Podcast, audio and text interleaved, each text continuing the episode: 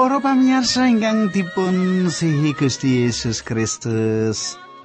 Sugeng pinanggih malih kalian kula pendeta pujianto wonten ing salebetipun adicara margi utami. Adicara ingkang sampun dados karmenan panjenengan, nggih kesayangan panjenengan. Awit menapa kateng kula?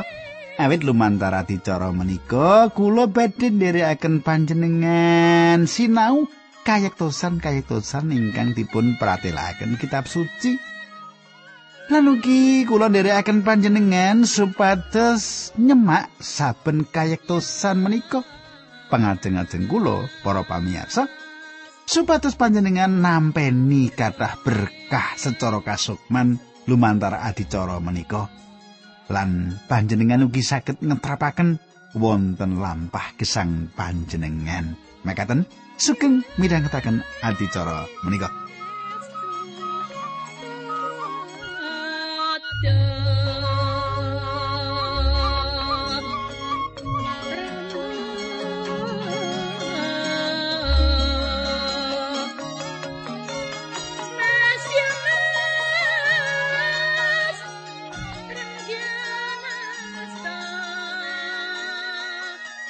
Para pamirsa menapa panjenengan tasih kemutan menapa ingkang kula aturaken duk pepanggihan kepengker ing pepanggihan kepengker kita sampun nyemak raos getunipun Sang Raja Yosia. Sasampunipun dipun emotaken bilih piyambakipun lan ugi rakyatipun sampun nyimpang tebih saking Gusti. Makaten nggih. Nek kula ora tak beleni kabeh engko nek jenengan malah Wih, khotbah ping pindho. Ngaten nggih. Nah, kita badhe tetunggu sesarengan kateng kula. Marangga kita tumungkul. Duh Kanjeng Rama ingkang dampar wonten kraton ing kasuwargan kawula ngaturaken gunging panuwun. Menawi wekdal menika kawula saged tetunggilan kalian sedherek kawula lan kawula badhe sesarengan nyemak kayektosan-kayektosan saking pangandikan paduka nyuwun tulung supados paduka bikak manah kula kanthi mangkatan kawula saged mangertos kayektosan lan saged ngetrapaken kayektosan menika wonten ing lampah gesang. Ing asmanipun Gusti kawula Yesus Kristus kawula netunggal haleluya amin.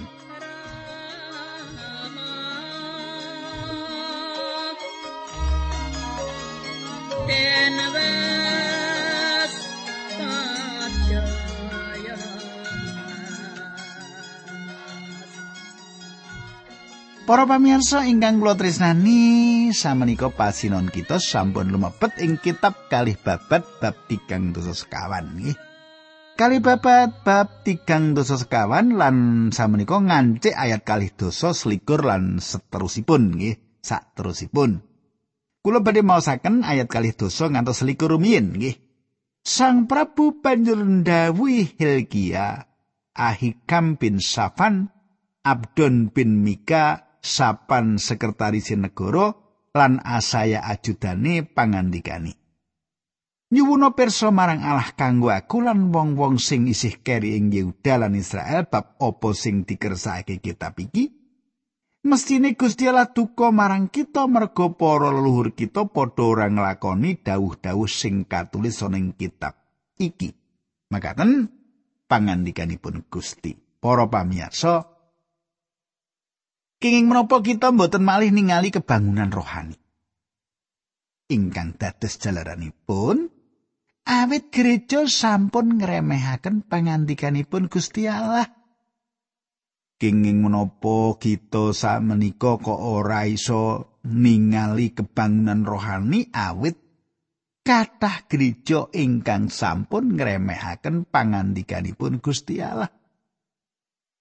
Kebangunan rohani mboten dumados awit nindakaken satunggalipun metode cara. Nggih, kebangunan rohani menika dumados awit tiang wangsul dateng pangandikane Gusti Allah. Lan manggihaken menapa ingkang dipun kersakaken Gusti Allah. Lajeng kita lajengaken ayat kalilikur ngantos lawi. Wong-wong mau banjur padha budha nyuwun pirsa marang wong wadon sing jeneng Hulda. Hulda kuwi nabi sing omahe ana ing kampung anyar ing Yerusalem, sing lanang jenenge Salem bin Tokat putune Hasra, gaweane ngurusi sandangan sing dinggo ing upacara pangibadah ing pedalaman Allah. Bareng udah krungu keterangan wong-wong mau banjur akon wong-wong sowan Sang Prabu meneh karo matur mengkini. Maka tendawipun pangeran, Yerusalem lan wong sing manggon ing kene kabeh bakal ndak hukum nganggo pahukuman sing ditulis ana ing kitab sing diwacake marang Sang Prabu. Wong-wong mau wis padha nyingkur marang aku lan gawe korban marang dewa-dewa. panggawene kabeh mau gawe dukaku aku duka marang Yerusalem lan dukaku ora kena disirep makaten pangandikanipun Gusti Allah para pamirsa Gusti Allah badhe paring paukuman selaras kalian menapa ingkang sampun dipun janjekaken. Nanging panjenenganipun gadah dawuh secara pribadi dumateng Raja Yosia makaten nggih ayat 6 likur pitu likur Bab Raja Yosia aku pangeran Allah Israel dawuh mengkene kowe wis krungu apa sing katulis ana ing kitab kuwi. Mulane kowe getun lan ngasorake awakmu ana ing ngarsaku kowe nangis lan nyuwek penganggomu mertandani sedih ngatimu nalika kowe krungu nggonku ngancam arep ngukum Yerusalem lan rakyate pandongamu wis ndak piarsake. Mulane Yerusalem ora bakal ndak hukum selawase kowe isih urip kowe bakal ndak timbali ganti tentrem rahayu.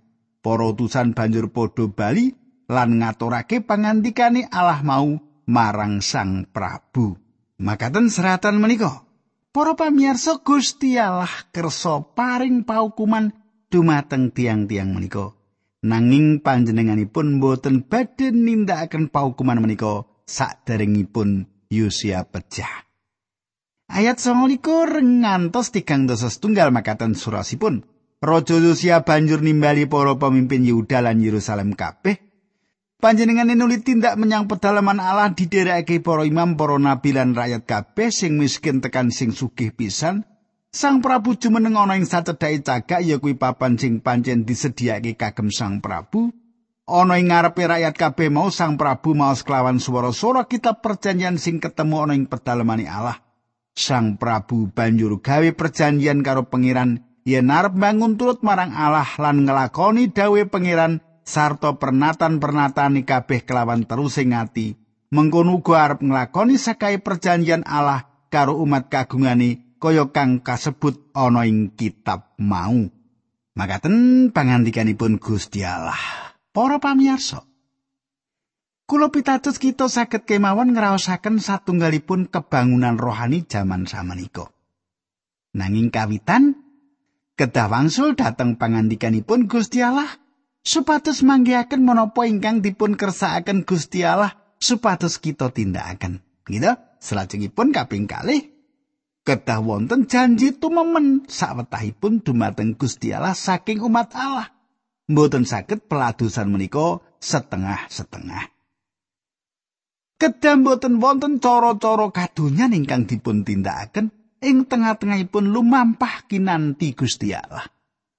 Mboten saged kekalipun dipun tindakaken sesarengan. Selajengipun pasinan kita badhe lumebet ing kali babat tigang dosa gangsal. Monggo kita semak kali babat tigang dosa gangsal ayat 16 ngantos 19. Makaten surasipun. Ing dina kuwi wong Lewi padha nglakoni sakai pegawian sing didhawuhake dening Sang Prabu Yosia kanggo Paskah. Semono uga padha saos kurban ana ing mesbeh. Rakyat Israel sing ana ing kono padha ngriyayake Paskah karo Raya pesta roti tanpa ragi lawase pitung dina. Wiwit zamane Nabi Samuel durung tau ana Raya Paskah gedhen kaya kuwi, durung tau ana raja siji wae sing tau ngriyayake Paskah.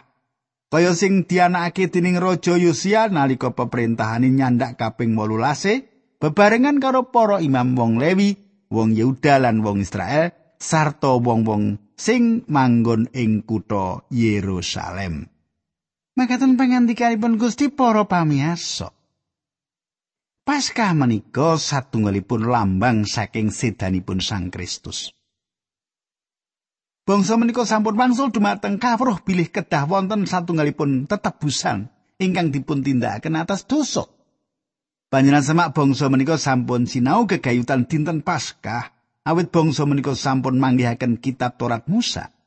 Menapa ingkang kelampahan menika satunggalipun wewengan ingkang ngidapi-dapi Raja Yosia inggih menika tiang ingkang tanggal jawab kangge wangsulipun bangsa menika kanthi ngidapi-dapi dumateng pangandikanipun Gusti Allah. Samenika kita lajengaken ayat kalih dosa ngantos rolikur nggih. Sawise Raja Yosia rampung anggone ndandosi pedalemane Allah niku Raja Mesir karo balaning luruk perang menyang Karkemis. Sajedake bengawan Efrat, Raja Yosia arep ngalang-alangi. Nanging Neko kirim layang marang Raja Yosia surasane mengkene Raja Yehuda. Panjenengan kula aturi sampun tumut-tumut kula mboten perang kalian panjenengan nanging kalian mengsah-mengsah kula.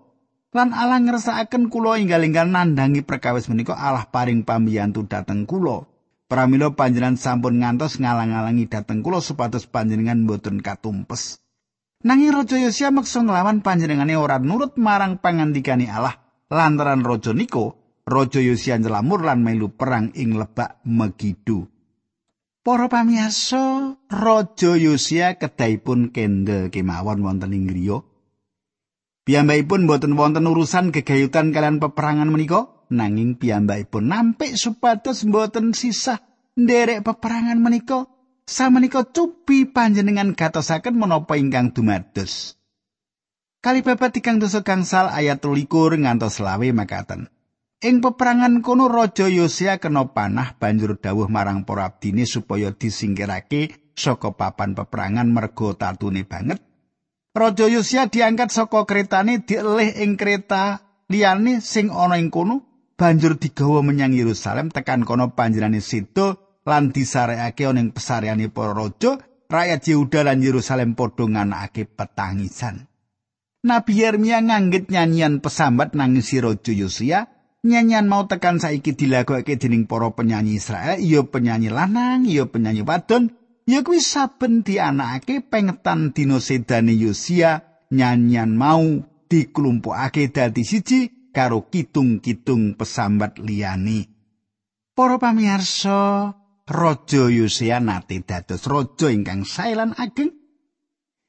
Piyambakipun sampun nate mimpin kebangunan rohani ingkang ageng nuntun tiang-tiang sumende dumateng Gusti Allah. Ngira nanging kadang kula akhir kesangipun boten midhangetaken sabda pangandikanipun Gusti Allah. Salajengipun kita lumebet ing kali babat tigang dosa 6 kula wasaken ayat setunggal kalih tiga nggih. Rakyat ing negara banjur ngaturi pangeran Yoahas putrani Sang Prabu Yosia sarta kajumenengake ratu ana ing Yerusalem gentosi Kang Rama. Nalika jumeneng ratu iku pangeran Yoahas Yosua 23 taun dene anggone ngasta peperintahan ana ing Yerusalem suwene tulung sasi. Sang Prabu nuli kalungsur saka nggone ngasta peperintahan ing Yerusalem dening Sang Nata ing Mesir sarta negara iku kadendha satus talenta sloko lan satalenta emas. Panjenengan gatosaken larinipun Raja Yosia menika dipun pecat dening Raja Mesir. Piyambakipun nglenggahi dados raja namung tigang wulan. Ayat gangsa 67. Nalika Raja Yehuda Yoyakim yuswa selawe taun enggone dadi raja ing Yerusalem lawase 11 taun.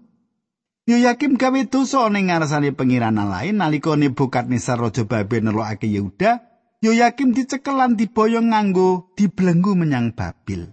Barang-barangi pedalaman Allah sing pengaji saperangan digawa Nebukadnezar menyang Babel disimpen ana ing kedatone. Para pamirsa, ing jaman pemerintahanipun Raja Babel ngrawuhi daerah menika. Samenika ayat 9 tak lewati wolune. Nalika dadi raja Yehuda yo yakin yuswane 18 taun lawase dadi raja nang Yerusalem telung sasi 10 dina. Yo yakin ugi nglampahi dosa nang ngarsane Allah. Para pamirsa, piyambakipun nyepeng pusaraning pemerintahan namung sekedap kemawon piyambakipun boten dangu ngraosaken sekecanipun lenggah wonten ing dasar keprabon, lenggah wonten ing dampar keprabon. Kula lajengaken ayat 11, 12, 13, 14 makaten surasipun. Nalika dadi Raja Yehuda Sedekia yuswane selikur taun lan lawase dadi raja ing Yerusalem 11 taun. Sedekia yo gawe dosa marang Allah panjenengane ora kersa ngasorake sarirane ana ing ngarsane Allah lan ora kersa nurut marang aturi Nabi Yeremia kang nglantarake pangandikane Allah. Raja Sedekia dipeksa dening Nebukadnezar didawi sumpah demi Allah yen selawase bakal setya. Nanging sawise mengkono Sedekia mbrontak marang Nebukadnezar. Raja Sedekia uga ora kersa mertobat saka dosa-dosane malah mangkotake penggalihe lan ora kersa ngabekti ing pangeran Allah. Kejaba saka kuwi pedalaman Allah sing wis disucake kagem Allah piyambak dinajisake dening para pemimpin Yehuda, para imam lan rakyat mergo padha melu nyembah brahala lan nganut kelakuan sing ditindakake dening bangsa-bangsa ing sakiwa tengeni. Para pamirsa, samenika Nebukadnezar mboten namung notok lawang. Piyambakipun nyurung mlebet nglangkungi tembok lan ngobong Yerusalem lan beto Yehuda dateng papan pambucalan. Menika keterangan ingkang dipun paringaken Gusti Allah dumateng kita. Ayat 15 ngantos kalih dosa. Pangeran alai para luhuri wis bola bali ndawi utusane ngelikake marang umat kagungani merga saka tresnani marang umat maulan marang pedalemani. Nanging para utusane Allah mau padha dipoyoki nabi-nabine digawe keguyon lan tembunge ora direwes. Wekasane Allah duka banget nganti ora kena disirep. Gusti Allah ngusikake atine Raja Babel supaya nyerang Yehuda. Raja Babel mau nuli mateni wong-wong nom sing ana ing Yehuda lan uga sing ana ing pedalaman Allah. Wong siji wae ora ana sing deman. Nom tuwa lanang wadon sing loro utawa sing waras kabeh padha diwulungake dening Allah ing tangane Raja Babel. Praboti pedalamane Allah lan barang-barang sing pengaji semono uga bandani Sang Prabu lan para panggawa ini kabeh dirampas dening raja mau banjur digawa menyang tanah Babel. Tembok kutha Yerusalem digempur kutane diobong uga pedalamane Allah lan kedaton saisine kabeh rupa barang-barang pengaji sing keri ana ing kedaton mau. Rakyat sing ora dipateni diboyong menyang Babel ana ing kono padha didadekke batur tukune Sang Prabu lan anak turune nganti satekane kraton Persia. Para pamirsa samenika ayat salajengipun nyerat satunggal jalaran sanes kangge dumuginipun paukuman Gusti Allah menika satunggalipun perkawis ingkang saestu ndudut manah. Ayat selikur bab 36 ayat selikur. Kaya mengkono kelakon temenan apa sing dingendikake dening pangeran lantaran Yeremia yen tanah Yehuda bakal bero. Suwene pitung puluh tahun minangka lirune tahun-tahun sabat. Tahun sabat menika pernatan wonten Toret bilih saben tahun kepitu Siti mboten kenging dipun garap. Mirsani kaimaman selawe al siji ngantos pitu. Sing ora tau ditetapi dening umat Israel. Tahun-tahun sabat sing ora tau ditetapi dening umat Israel. Para pamirsa panjenengan semak. Gusti Allah kagungan kathah cara ing salebetipun penggalih ing samukawis perkawis ingkang kedah dipun tindakaken. Gusti Allah kathah kagungan cara ing penggalihipun ingkang kawitan bangsa menika nampik para nabinipun. Bangsa menika nampik para nabinipun. wonten ing pambucalan dipun ulur wekdalipun Gusti Allah saged kemawon kaanggep leres kegayutan anggenipun ngintun dateng papan pambucalan 100 taun saderengipun lampan menika. Perkawis menika damel kula gadah pitakenan ing manah menapa bangsa kita ugi mboten gesang ing salebetipun wekdal ingkang dipun ulur menika. Ngantos kapan Gusti Allah sabar kegayutan kalian dosa-dosa kita? Kangge bangsa Yuda wekdalipun sampun dumugi, Mboten wonten malih ingkang saged ngleresaken kaping kalih sadangunipun patang atau sang puluh tahun. Bangsa Israel dereng nindakaken tahun sabat. Bangsa menika sampun nerak paugeranipun Allah kegayutan kalian tanah ingkang sampun dipun paringaken dumateng bangsa menika. Awit serakahipun bangsa menika mboten ngidinaken tanah menika ngraosaken tahun sabat. Bangsa menika gadah anggapan menawi piyambakipun sampun uwal saking katetepan menika. Para pamirsa, Gusti Allah mboten saged dipun remehaken sepindah malih Gusti Allah iku ora iso diremehake. Panjenengan gatosaken biri pitung puluh tahun wonten ing pambucaran sampun dumados sawetahipun. Rakyat sampun wonten ing Jawi tanah menika lan boten wonten ing salebetipun kersaning Gusti Allah. Panjenengan semak bilih sinaosa secara umum wonten ing kahanan ingkang mundur nanging wonten gangsal mangsa kebangunan rohani anggenipun kaanyaraken lan ugi ngraosaken ewa-ewahan. Inggih menika mangsa raja bangsa menika wangsul lan bangun turut dumateng pangandikanipun Gusti Allah. Mangsa raja Yoas bangsa menika wangsul lan bangun turut pangandikanipun Gusti Allah. Mangsa raja Yoas bangsa menika wangsul lan bangun turut pangandikanipun Gusti Allah. Mangsa raja Hizkia bangsa menika wangsul lan bangun turut pangandikanipun Gusti Allah. Mangsa raja Yosia bangsa menika wangsul lan bangun turut dumateng pangandikanipun Gusti Allah. wonten ing saben conto wangsul dumateng pangandikanipun Gusti Allah nuntun dumateng pamratobat rakyat lan reformasi ewa-ewan sawetawis saking bangsa menika. Monggo kita lajengaken kita maos bab 36 ayat 26 ngantos 33. Ing taun kapisan pemerintahane Koresi Raja Persia Gusti Allah nindakake apa sing wis dingendikake lantaran Nabi Yeremia. panjenengane ngusikake koresi gawe pengumuman sing diwacakake marang rakyat protosan negara kabeh surasane mengkini. Iki dawe koresi raja Persia pangeran Allah kang kuwasa ing swarga sing wis ndadekke aku rajaning jagat wis ndawi aku supaya yo pedalaman kagem Allah ing Yerusalem tanah Yehuda mulane saiki kowe kabeh sing dadi umat Allah kudu bali mrono muga-muga Allah nunggil karo kowe Para pamirsa, perkawis menika dipun wangsuli ing pambuka dumateng kitab Esra ingkang dipun lajengaken seratan sejarah wiwedal menika. Emut sinaosa Gusti Allah sampun ngintun umat kagunganipun ing papan pambucalan, panjenenganipun boten nyupayaken umatipun menika. Kados menapa saenipun panjenenganipun menika. Para pamirsa, kados pundi panjenengan? Menapa rumaos panjenengan dipun bucal dening Gusti Allah? panjenengan nandang sengsara samenika? Ora ndek hak ora ndek apa-apa panjenengan ora diajeni wong? Nggih mbok menawi panjenengan ketangga gapi kados dene bangsa Yehuda menika ana kaluputan karo Gusti Allah. Panjenengan nyuwun pangapunten kalian Gusti Allah sumini dumateng Gusti Allah sinaosa panjenengan wonten ing papan ingkang samenika mboten sekeca Gusti Allah tansah nganti panjenengan tansah pirsa kahanan panjenengan.